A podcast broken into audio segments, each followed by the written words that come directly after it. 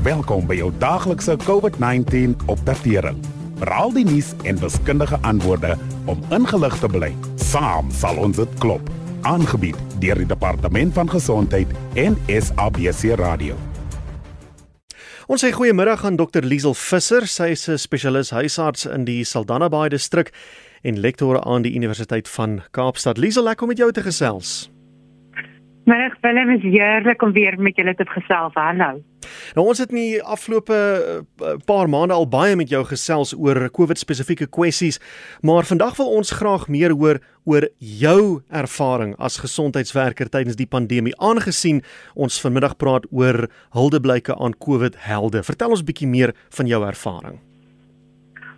Wel, dit was 'n tyd van uitdagings en aanpassings. Um, om met soveel vrae en inligting elke dag gebombardeer te word, was 'n absolute uitdaging en om uit te sniffel wat waar is, wat moontlike meriete het en wat absoluut net opstokery is, was nogal moeilik. Um en dan die vrese en die onsekerheid van die gemeenskap, maar ook onder onsself as die gesondheidswerkers, was nogal 'n groot ding om te navigeer in in hierdie tyd. Um wat ook nogal vreemd was is was om te sit en wag en kyk hoe die virus nader kom. En hoe ons meer gevalle kry en ons sien hoe van ons vriende en mense wat ons ken rondom ons siek word.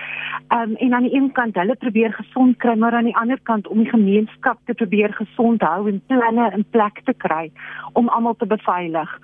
So dit dit was regtig 'n uitdagende tyd en 'n absolute eerste maar om deel te wees van die Sikaba span was 'n absolute groot eer. Um om te weet dat my stem en dit waarin ek glo om dit met ander te kan deel, is my ongelooflik kosbaar. En ek glo in 'n Engelse gesegde knowledge is power.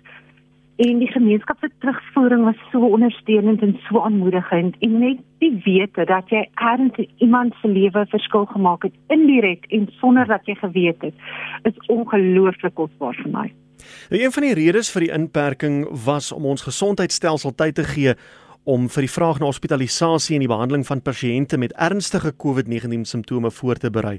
Hoe dink jy het ons gevaar? Genadiglik het ons doemvoorspellings nie waar geword nie en was ons statistieke nooit so hoog soos wat ons aanvanklik geskat het nie.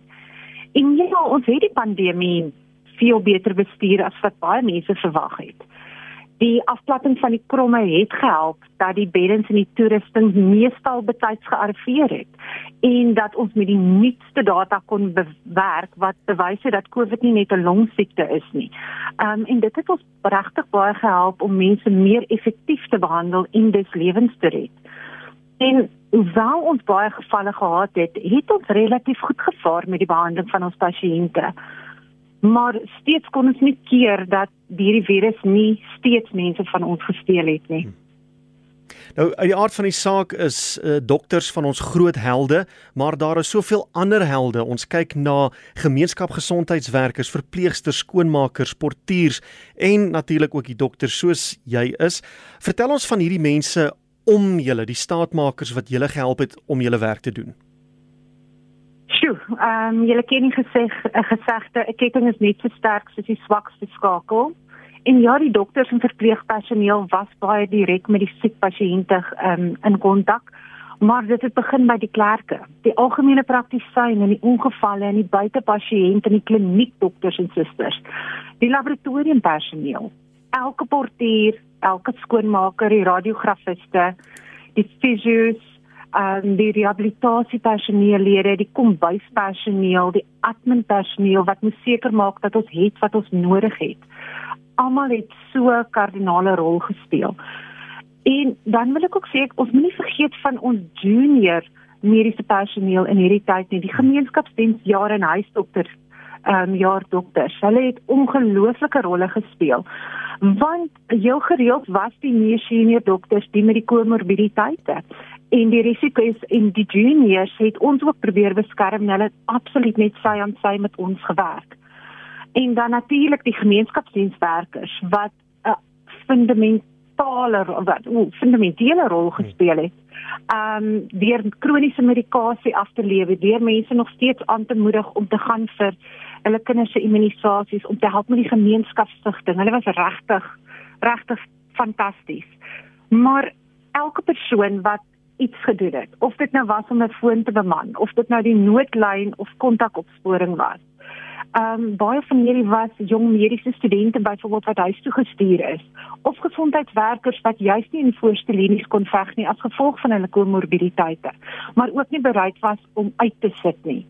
Elkeen van hierdie mense het ons ketting sterk gemaak en daar is soveel stories om te vertel. Elkeen van hierdie mense was kard van kardinale belang. Nou vir die afgelope hele paar maande al is jy en jou kollegas moes julle meer doen as net julle werk. Deel asseblief 'n paar van hierdie uitdagings wat uh, jy en jou kollegas die hoof moes bied. Die emosionele uitputting, die ewige afwagting en die suspisie rondom gevalle was baie erg. En dan natuurlik die risiko om hierdie gewere self huis toe te neem of dit self op te doen en die implikasies wat dit sal hê op almal saam met wie jy werk of dan natuurlik jou gesin ook. En vir hierdie rede het baie van ons nog meer of saam met jou gesin geïsoleer of juis van ons gesinne geïsoleer. Ehm um, die ure was lank, maar die beskikbaarheid van persoonlike beskermende toerusting en die nodige voorrade het gehelp om die pyn en die impak van dit van van hierdie siekte te verminder. Een van die ergste dinge wat hierdie virus egter gedoen het, was nie die siekte self nie, maar die isolasie wat dit veroorsaak het almal wat gedwing was om in hulle eie huis te isoleer. Ehm um, ons as werkers wat self moet isoleer. Mamas wat sonder pappas of sonder ondersteuning gaan kraam het. Hmm. Algemene pasiënte in gewone sale wat nie besoekers kon kry nie. En dan, dan natuurlik die mense wat geliefdes verloor het in hierdie tyd wat hierdie geleentheid gegee is of die geleentheid ontneem is om te kon totsiens sê. Soms kon ons help met 'n oproep of 'n video oproep maar daar's soveel kere wat ons dit nie kon doen nie. So die fisiese uitdagings en die risiko's ja, dit was groot, maar dit het soveel meer impak nog gehad op die emosionele vlak as bloot die fisiese. Om jy af te sluit Liesel, het jy 'n persoonlike boodskap van waardering vir jou kollegas, mede-gesondheidswerkers en al die ander COVID-19 helde wat vandag luister? Ja, ehm um, ek wil vir almal sê dankie, dankie, dankie. Dankie vir elkeen wat deel was van die span of vir die gemeenskap wat ons hande hoog gehou het en ons gehelp het of mense wat ons net bloot in hulle gebede gedra het. En vir die gemeenskap wil ek verder vra julle die getalle is weer aan die optel. Hmm. Ons is almal geïrriteerd met maskers en hande was. Maar om te keer dat hierdie tweede golf so erg is soos wat in ander lande nou besig is om te gebeur, bly asseblief verantwoordelik. Dra julle maskers en dra dit ordentlik asseblief oor die neus en hou aan hande was en probeer asseblief onnodige sosialiseringe vir al groot groepe vermy. Pas julle op. Ons kan net soveel doen as mense reeds siek is. So die beste raad bly keer asseblief eerder dat jy siek word en dat jy by ons beland. Dokter Visser was baie lekker geweest om met jou te gesels. Ek hoop ons kan dit in die toekoms weer doen. Baie baie dankie. Mooi bly en lekker aan vir almal. Dit was dokter Liesel Visser, spesialis huisarts in die Saldanha Bay distrik en lektor aan die Universiteit van Kaapstad. Jy kan môre weer by ons aansluit in hierdie tyd geleef so van kwart voor 6 af en dan praat ons oor die oopstel van grense en wat dit vir reisigers beteken. Dankie dat u geluister het na die daaglikse COVID-19 inligtingstuk aangebied deur die Departement van Gesondheid en SABC Radio in samewerking met die Solidariteitsfonds. Wees veilig, bly gesond. Saam sal ons dit klop. Suid-Afrika.